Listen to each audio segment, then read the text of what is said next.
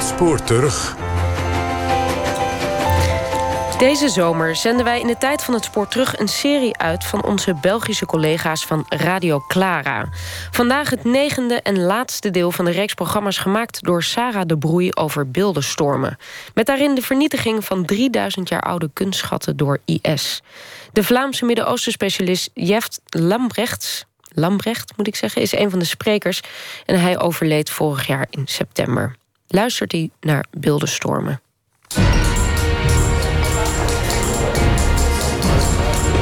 Beeldenstormen.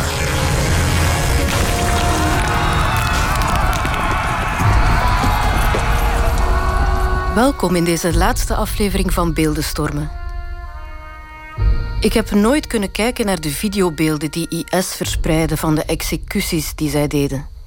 Naar die beelden van onthoofdingen van journalisten, tegenstanders of van die oude man van 82 jaar, de Syrische archeoloog die zijn leven lang in Palmyra had gewerkt.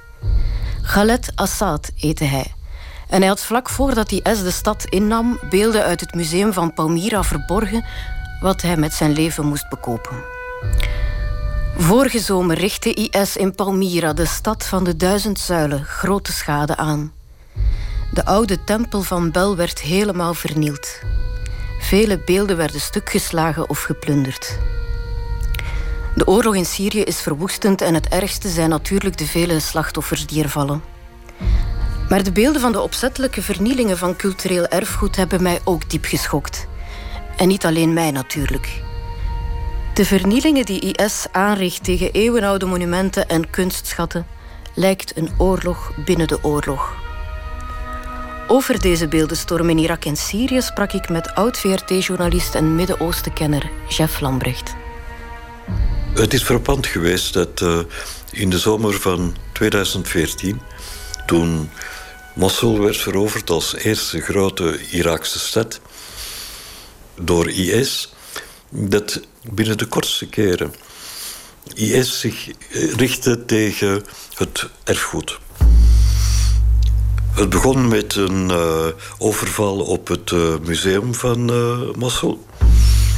Het museum van Mosul, dat bijzonder rijk is natuurlijk omdat Mosul midden in het oude Assyrische hartland ligt. Nineveh, de oude hoofdstad van Assyrië, ligt vlakbij Mosul. En het gebied is zeer rijk aan, aan, aan archeologische vindplaatsen en vondsten.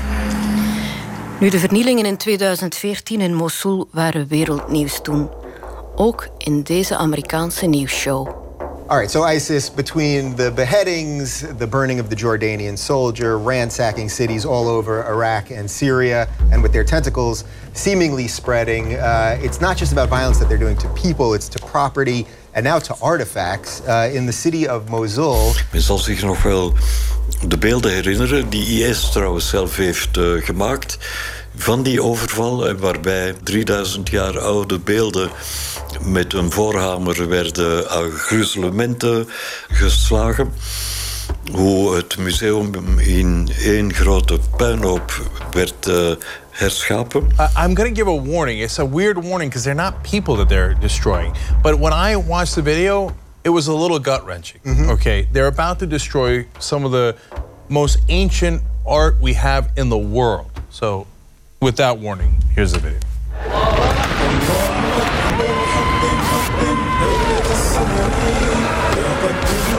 Ik weet niet wat er in deze muziek allemaal gezongen wordt, maar de beelden erbij zijn afschuwelijk.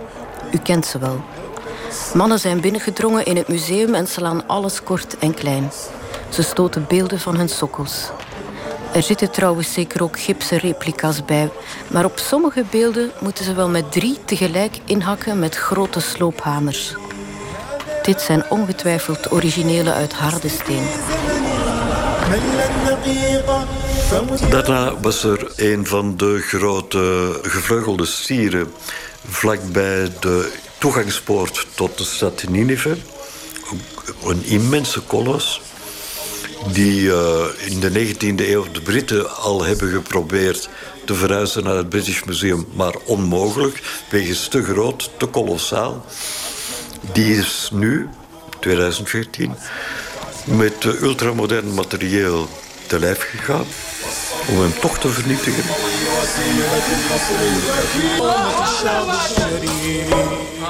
Dus daar spreekt een soort drang uit, een soort van absoluut haat tegenover het object die irrationeel is. Het was een furie waarbij Mosul maar het begin was van een hele reeks van vernietigingen door IS. Daarna is er Hatra gekomen. Een van de grote Hellenistische steden, die daar ook vlakbij uh, uh, ligt. Met de grond gelijk gemaakt, met dynamiet omgeploegd. En daarna, in de loop van vorig jaar, is er natuurlijk Palmyra gekomen.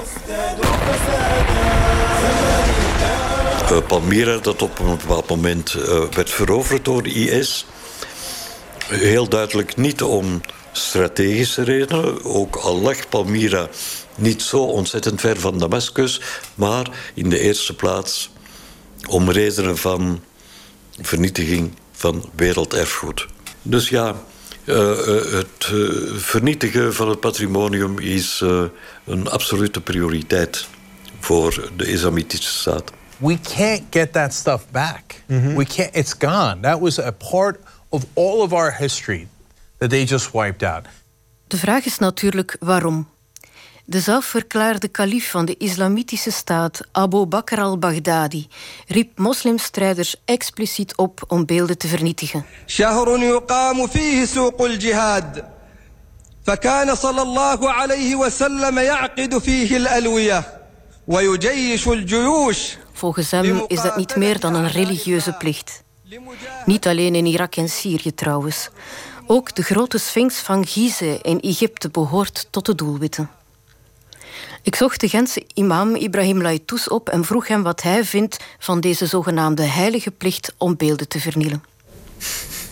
Ja, als de leider van IS, Abu Bakr al-Baghdadi, oproept om uh, uh, naar zijn leden toe om alle beelden te gaan af te breken en dat te vernietigen en zelfs het ziet als een soort van religieuze plicht, ja, doet mij eerlijk gezegd lachen. En, en, en, het is een dubbele gevoel dat ik heb en zeg ik van, menen die mensen dat nu echt, dat ze dat eigenlijk als een soort van religieuze plicht zien? Of is dat gewoonweg een soort van propaganda om, om echt nog meer de jongeren op te hitsen tegen ja, alles wat, wat, wat uh, onze beschaving eigenlijk met zich meegebracht heeft. Ik denk die beelden, het feit dat ze al duizenden jaren hebben bestaan en dat al die profeten en geleerden, islamitische geleerden, uh, dat allemaal getolereerd hebben, uh, geeft ons het tegenovergestelde bewijs. wat, wat eigenlijk ja, de leider van IS zegt. Het feit dat we nu vandaag de dag nog altijd zien dat heel wat toeristische plekken, maar ook in de islamitische wereld, Jordanië, maar ook in Marokko, heel wat cultuur dat niet islamitisch is bewaard is gebleven, geeft toch wel aan dat er enorm belang wordt aan gehecht dat dat zeker moet beschermd worden. Niet alleen maar omdat ze ja, economisch van belang zijn, omdat ze ja, toeristen aantrekken, maar gewoonweg omdat het een, een stuk is van ons menselijk erfgoed. Het is geweten dat IS niet enkel beelden vernielt, maar dat ze ook musea en sites plunderen om beelden en fragmenten op de zwarte markt te verkopen. Dat is op zijn minst een dubbele moraal. Verspreidt IS die videobeelden van vernielingen misschien ook omdat ze weten dat er in het Westen veel belang wordt gehecht aan erfgoed? Het speelt ongetwijfeld mee dat het Westen veel waarde hecht aan dat, dat patrimonium in het Midden-Oosten. Ook omdat het niet alleen hun patrimonium, maar ook het onze is. We mogen niet vergeten dat wij zeer veel te danken hebben aan het Midden-Oosten, beschavingsgewijs. Het alfabet dat wij vandaag gebruiken is in Fenicië, met andere woorden in Syrië, ontwikkeld. Het is een zeer mooi symbool van hoe wij eigenlijk een kind zijn van het Midden-Oosten. En zij weten dat ook. En ze willen ons daar zeker mee treffen. Maar het is niet alleen dat. Het heeft ook te maken met uh, de diepe uh, religieuze of pseudo-religieuze overtuiging dat het gaat om het komaf maken met de afgoderij. Het probleem van de afgoderij. Het is zeker niet de eerste keer dat het opduikt in deze reeks. Ik vroeg imam Ibrahim Laitous hoe binnen de islam over afgoderij en beelden wordt gedacht. Het aanbidden van, van muren, van beelden en wat, wat dan ook. Dat mag niet het status van het goddelijke verkrijgen. Er is een groot verschil tussen uh, het aanbidden van en het beschouwen als een soort van kunst dat eigenlijk behoort tot ons menselijke beschaving, gelijk dat we vandaag gewoon, gewoon zijn. Dat verschil is van enorm belang, ook naar de visies binnen de islam. Men zegt de functie van het beeld uh, is, is van groter belang dan het beeld zelf. Dus als je een beeld gaat gebruiken als afgod, als um, uh, iets dat u kan helpen, kan baten, kan schaden, dan is het verkeerd vanuit de theologie. Dan zeg je nee, want God is iets dat dat beeld uh, overstijgt. God is iets dat overal aanwezig is, de eeuwige, de levendige. En dat maakt natuurlijk wel het verschil. Terwijl dat IS daar totaal geen verschil in maakt. beelden zijn voor hun het symbool voor het kwade. Dus die moeten eigenlijk afgebroken worden en vernietigd worden. Zoals we dat trouwens ook gezien hebben dat Taliban gedaan heeft in Afghanistan, zien we herhaling van dezelfde feiten uh, door IS. Spijtig om dat te constateren. De kolossale Boeddha-beelden in de Bamiyan-vallei in Afghanistan werden met dynamiet vernield door de Taliban. Dat was in maart 2001, enkele maanden voor 9-11. Ook de Taliban maakte dus geen onderscheid tussen het beeld en zijn functie. Natuurlijk is het vernietigen van, van beelden uh, niet echt het monopolie van één enkele beweging of één enkele periode in de geschiedenis. Dit soort van vernietigingsdrang, dit soort van beeldenstorm, is er op gezette tijden in de geschiedenis en heeft altijd te maken met pogingen om een identiteit te vernietigen, het verleden te vernietigen. Dat was zo in de 16e eeuw toen de beeldenstorm hier bij ons uh, woedde. Dan was het ook een poging om de oude mens te vernietigen en te vervangen door de nieuwe mens. Hoe doe je dat? Je vernietigt zijn beelden. Je wist zijn geschiedenis uit. En dat is ook wat IS wil. IS wil een nieuwe mens. En voor die nieuwe mens is er ook een nieuwe, nieuw landschap nodig. En voor dat nieuwe landschap is er een tabula rasa nodig. Kwestie van dat braakland te creëren waarin die nieuwe mens naar beeld en gelijkenis van de IS-militant kan geboren worden. En toch zijn het niet alleen beelden die verwijzen naar andere godsdiensten of culturen die vernield worden. In het noorden van Syrië werd het beeld van de klassieke Arabische dichter Abu Ala al-Mari onthoofd. Deze dichter leefde in de 10e eeuw. Waarom werd ook deze dichter het doelwit van iconoclasme? De dichter Abu Ala Ahmed bin Abdullah, zo heette hij eigenlijk Al-Mari. Al-Mari is eh, de plaats waar hij vandaan komt. In Syrië leefde zo'n duizend jaar geleden. En uh, hij is opmerkelijk omdat zijn rationalisme en zijn afkeer van religie of uh, alle hulpmiddelen die de mens zoekt om zijn bestaan toch maar zin te geven, afwijst. En zeer down earth zegt waar het op staat. Abu Ala al-Ma'arri is een van de filosofen die poëet was. Vandaar ook zijn bekendheid binnen de literatuur, binnen de Arabische literatuur, omdat hij heel wat gedichten heeft geschreven, felle gedichten, maar ook harde gedichten, die, uh, ja, die eigenlijk uh, tot de dag van vandaag worden geciteerd. Hij aanvaarde het niet om zomaar uh, blindelings uh, iemand te volgen. Hij uh, was iemand die vrijheid bepleitte. En zowel in zijn manier van leven, maar ook in zijn manier van denken en manier van handelen. Dus Abu al-Mari is eigenlijk het symbool van vrijheid. Het symbool van heel kritisch te zijn. En niks mag ontsnappen aan kritiek, was eigenlijk zijn standpunt. Om uiteindelijk ja, tot de waarheid tussen haakjes te kunnen komen? Mm, dat is vrij uniek. Het is wachten tot de verlichting bij ons voor je een personage krijgt wat enigszins met hem zou kunnen te vergelijken zijn. Uiteraard is Abu Ala al-Ba'arri ook een inspirator voor uh, heel wat uh, ja, vernieuwende, verlichtende ideeën de dag van vandaag voor vele moslims. Uh, maar ik zeg erbij natuurlijk, hij wordt omstreden omwille van zijn ja, felle kritiek naar de theologie. Naar, maar ik vind het juist positief, want kritisch zijn is vandaag wetenschappelijk. Kritisch zijn betekent ook durven nadenken, durven taboes doorbreken, niks overlaten aan het onverwachte, maar het eigenlijk onder de loep te gaan nemen van alles, ook van de teksten, van de religieuze teksten. Ik vond enkele gedichten van Abu Ala al-Mari die in het Nederlands vertaald zijn. Ik koos er één uit. In de vertaling lijkt het niet echt op een gedicht. Misschien moet je daarvoor het Arabische origineel kunnen lezen. Maar wat de inhoud betreft, is het helder. De leugen heeft de bewoners van de aarde vernietigd. Hun afstammelingen hebben zich gegroepeerd in secten die niet in staat zijn te verbroederen. Als vijandigheid niet vanaf hun ontstaan in hun aard had gelegen, zouden moskeeën, kerk en synagogen één geweest zijn. Wat hij eigenlijk zegt is, eigenlijk heb ik niet echt iets tegen godsdienst. Maar ik heb wel iets tegen het sectarisme. Ik heb wel iets tegen het feit dat er moskeeën, kerken en synagogen moeten bestaan. Dat is in feite onzin. Als er zoiets bestaat als een godheid, dan heeft die godheid lak aan die opdeling in kerken en, en, en, en in verschillende geloofsbelijdenissen. Dan worden die geloofsbelijdenissen vanzelfsprekend één.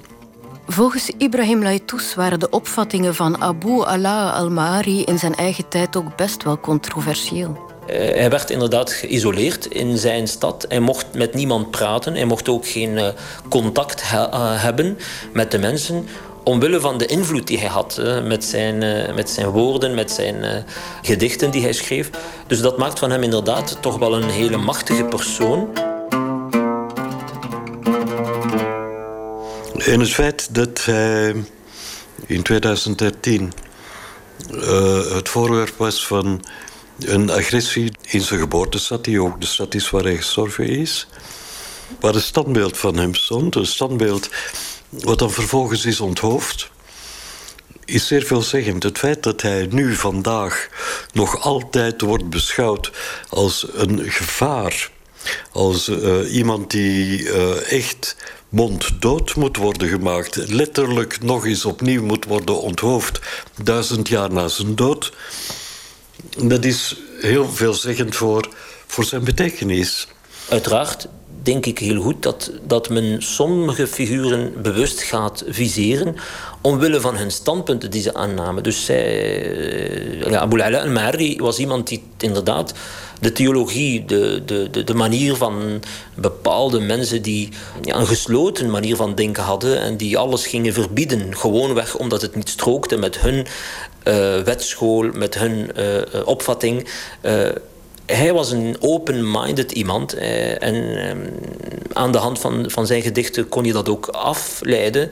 Eh, dat hij altijd zei van inderdaad die verbroederlijking tussen de mensheid. De, de religies konden wel samenleven, konden wel wat inderdaad IS en, en niet kunnen verdragen. Ja, de onthoofding van het standbeeld van Almari in, in Syrië zelf staat eigenlijk symbool voor hoe het met de islam als cultuur en als religie vandaag gesteld is.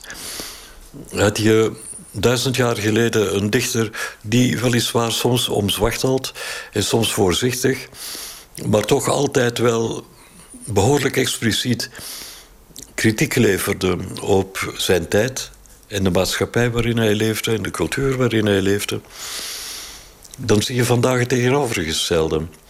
Je ziet uh, vandaag het tegenovergestelde van de tolerantie die hij predikte. De weigering om een onderscheid te maken tussen een jood, een christen en een moslim. Vandaag zitten we in, voor wat de islam betreft in een verkramping in plaats van een ontspanning, waar Almari eigenlijk het symbool van was. Ik vraag me af of we die verkramping ook zagen in de felle reacties vanuit de moslimwereld na de publicatie van de Deense Mohammed-cartoons in 2005. Bij moslimprotesten wereldwijd vielen toen maar liefst 100 doden. Die protesten lokten dan weer de spotprenten uit van Charlie Hebdo. Die dan weer hebben geleid tot de moorddadige raid op de redactie van Charlie Hebdo in januari 2015. Hier lijkt onze waarde van de vrije meningsuiting wel heel hard te botsen met de intolerantie van de moslims tegenover het afbeelden van de profeet. Ik zou zeggen dat die intolerantie tegenover eh, de afbeelding van de profeet en uh, de spot met de profeet, dat die het werk is van een radicale segment. Ook naar aanleiding van Charlie Hebdo. En ook naar aanleiding van verschillende aanslagen die gepleegd, andere aanslagen die gepleegd zijn door IS, zie ik ook binnen de Arabische wereld een reactie die zegt van jammer, het moet maar eens gedaan zijn om altijd weer de schuld op anderen af te wentelen. Het begint tijd te worden dat we de hand in eigen boezem steken. Het begint tijd te worden dat we aan zelfkritiek gaan doen. En die stemmen, en dat zijn niet de minste, die nemen toe op dit ogenblik. En daar is eigenlijk al te weinig aandacht voor. Het is een zeer jammerlijke zaak dat als er over islam wordt gepraat, er eigenlijk in één adem aan radicalisme wordt gedacht. Men zou er goed aan doen om de moslimwereld, de Arabische wereld, van dichterbij te bekijken, goed te leren kennen en te zien hoe gevarieerd en hoe eh, geschakeerd die is. En niet voortdurend te focussen op een vrij marginaal segment dat radicaal is, maar dat, dat door de focus die wij erop leggen wel slapend rijk wordt. Bij ons is Ibrahim Laitous misschien wel zo'n stem. Toen ik hem vroeg of hij het gevoel had gehad dat hij als moslim geviseerd en geridiculariseerd werd door de Deense cartoons en die van Charlie Hebdo, zei hij dit. Ik kan mij niet inbeelden dat de kunstwereld eh, zo ingesteld is dat ze echt wel een bepaalde gemeenschap viseren of zo. Ik, ik, ik geloof daar niet in. En dat soort van theorieën reist, ja, circuleert wel bij sommige moslimjongen van zie je wel dat dat uh, tegen jullie is en dergelijke meer. En dat is gevaarlijk natuurlijk. Dan moet je toch wel kunnen rechtzetten en zeggen nee, dat is niet tegen u bedoeld. Het is gewoon een kwestie van uitdrukken, een kwestie van. En uh, ik denk dat daar uh, nog werk is, inderdaad. En dat we dat vaak nog zullen moeten herhalen in verschillende programma's en vele, uh, ook binnen de moslimgemeenschap ook, om dat uiteindelijk te kunnen begrijpen van ja, zowel kunst als architectuur, als filosofie, als dat die allemaal een plaats verdienen en krijgen in onze samenleving. En dat dat zeker moet kunnen. Ik wil nog even terug naar Syrië. In mei veroverde het Russische leger Palmyra op IS. Wat er toen gebeurde, verwacht je misschien eerder in een Hollywoodfilm dan in het echt. Een week na de herovering van Palmyra organiseerde het Kremlin een klein concert in het gelukkig ongeschonden amfitheater van Palmyra. Valery Gergiev, een goede vriend van Poetin, werd samen met de leden van zijn orkest van het Mariinsky Theater overgevlogen naar Palmyra. En natuurlijk lieten de Russen ook een klein leger journalisten naar Palmyra overvliegen. Voor het concert sprak dirigent Valery Gergiev het publiek toe. Dear friends, I never was able to imagine that I will perform here in Palmyra in this ancient amphitheater. We protest against barbarians who destroyed wonderful monuments of world's culture. We protest against the executions of people uh, here on this great, great stage. Our concert in Palmyra is um, our appeal for everyone to come to peace and unity and all the people in the world to unite and work against this evil, against the terrorism. En de violist Pavel Miljukov speelde Bach. Een pakkend moment. Maar toch weet ik niet goed hoe ik dit moet bekijken. Als een verovering van de cultuur op de barbarij? Of toch vooral als een mediagenieke stunt van Poetin en zijn muzikale vrienden? Ach, uh, it's in the eyes of the beholder. De ene zal er een propaganda-stunt uh, in zien. De andere zal er met evenveel recht een blijk in zien dat uh, cultuur, beschaving niet dood is. Zelfs niet na de passage van IS.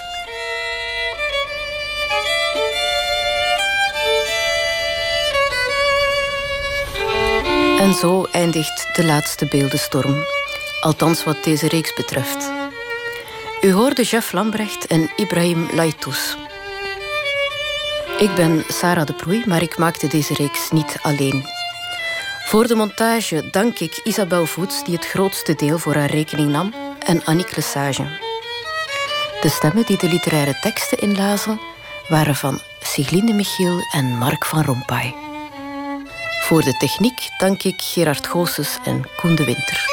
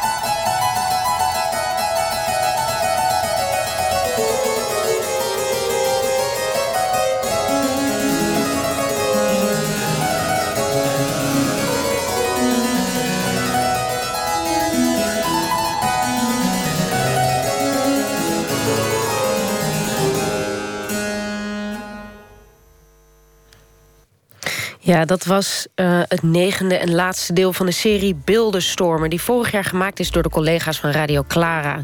De serie is ook als podcast te beluisteren... en die podcast kunt u vinden op clara.be slash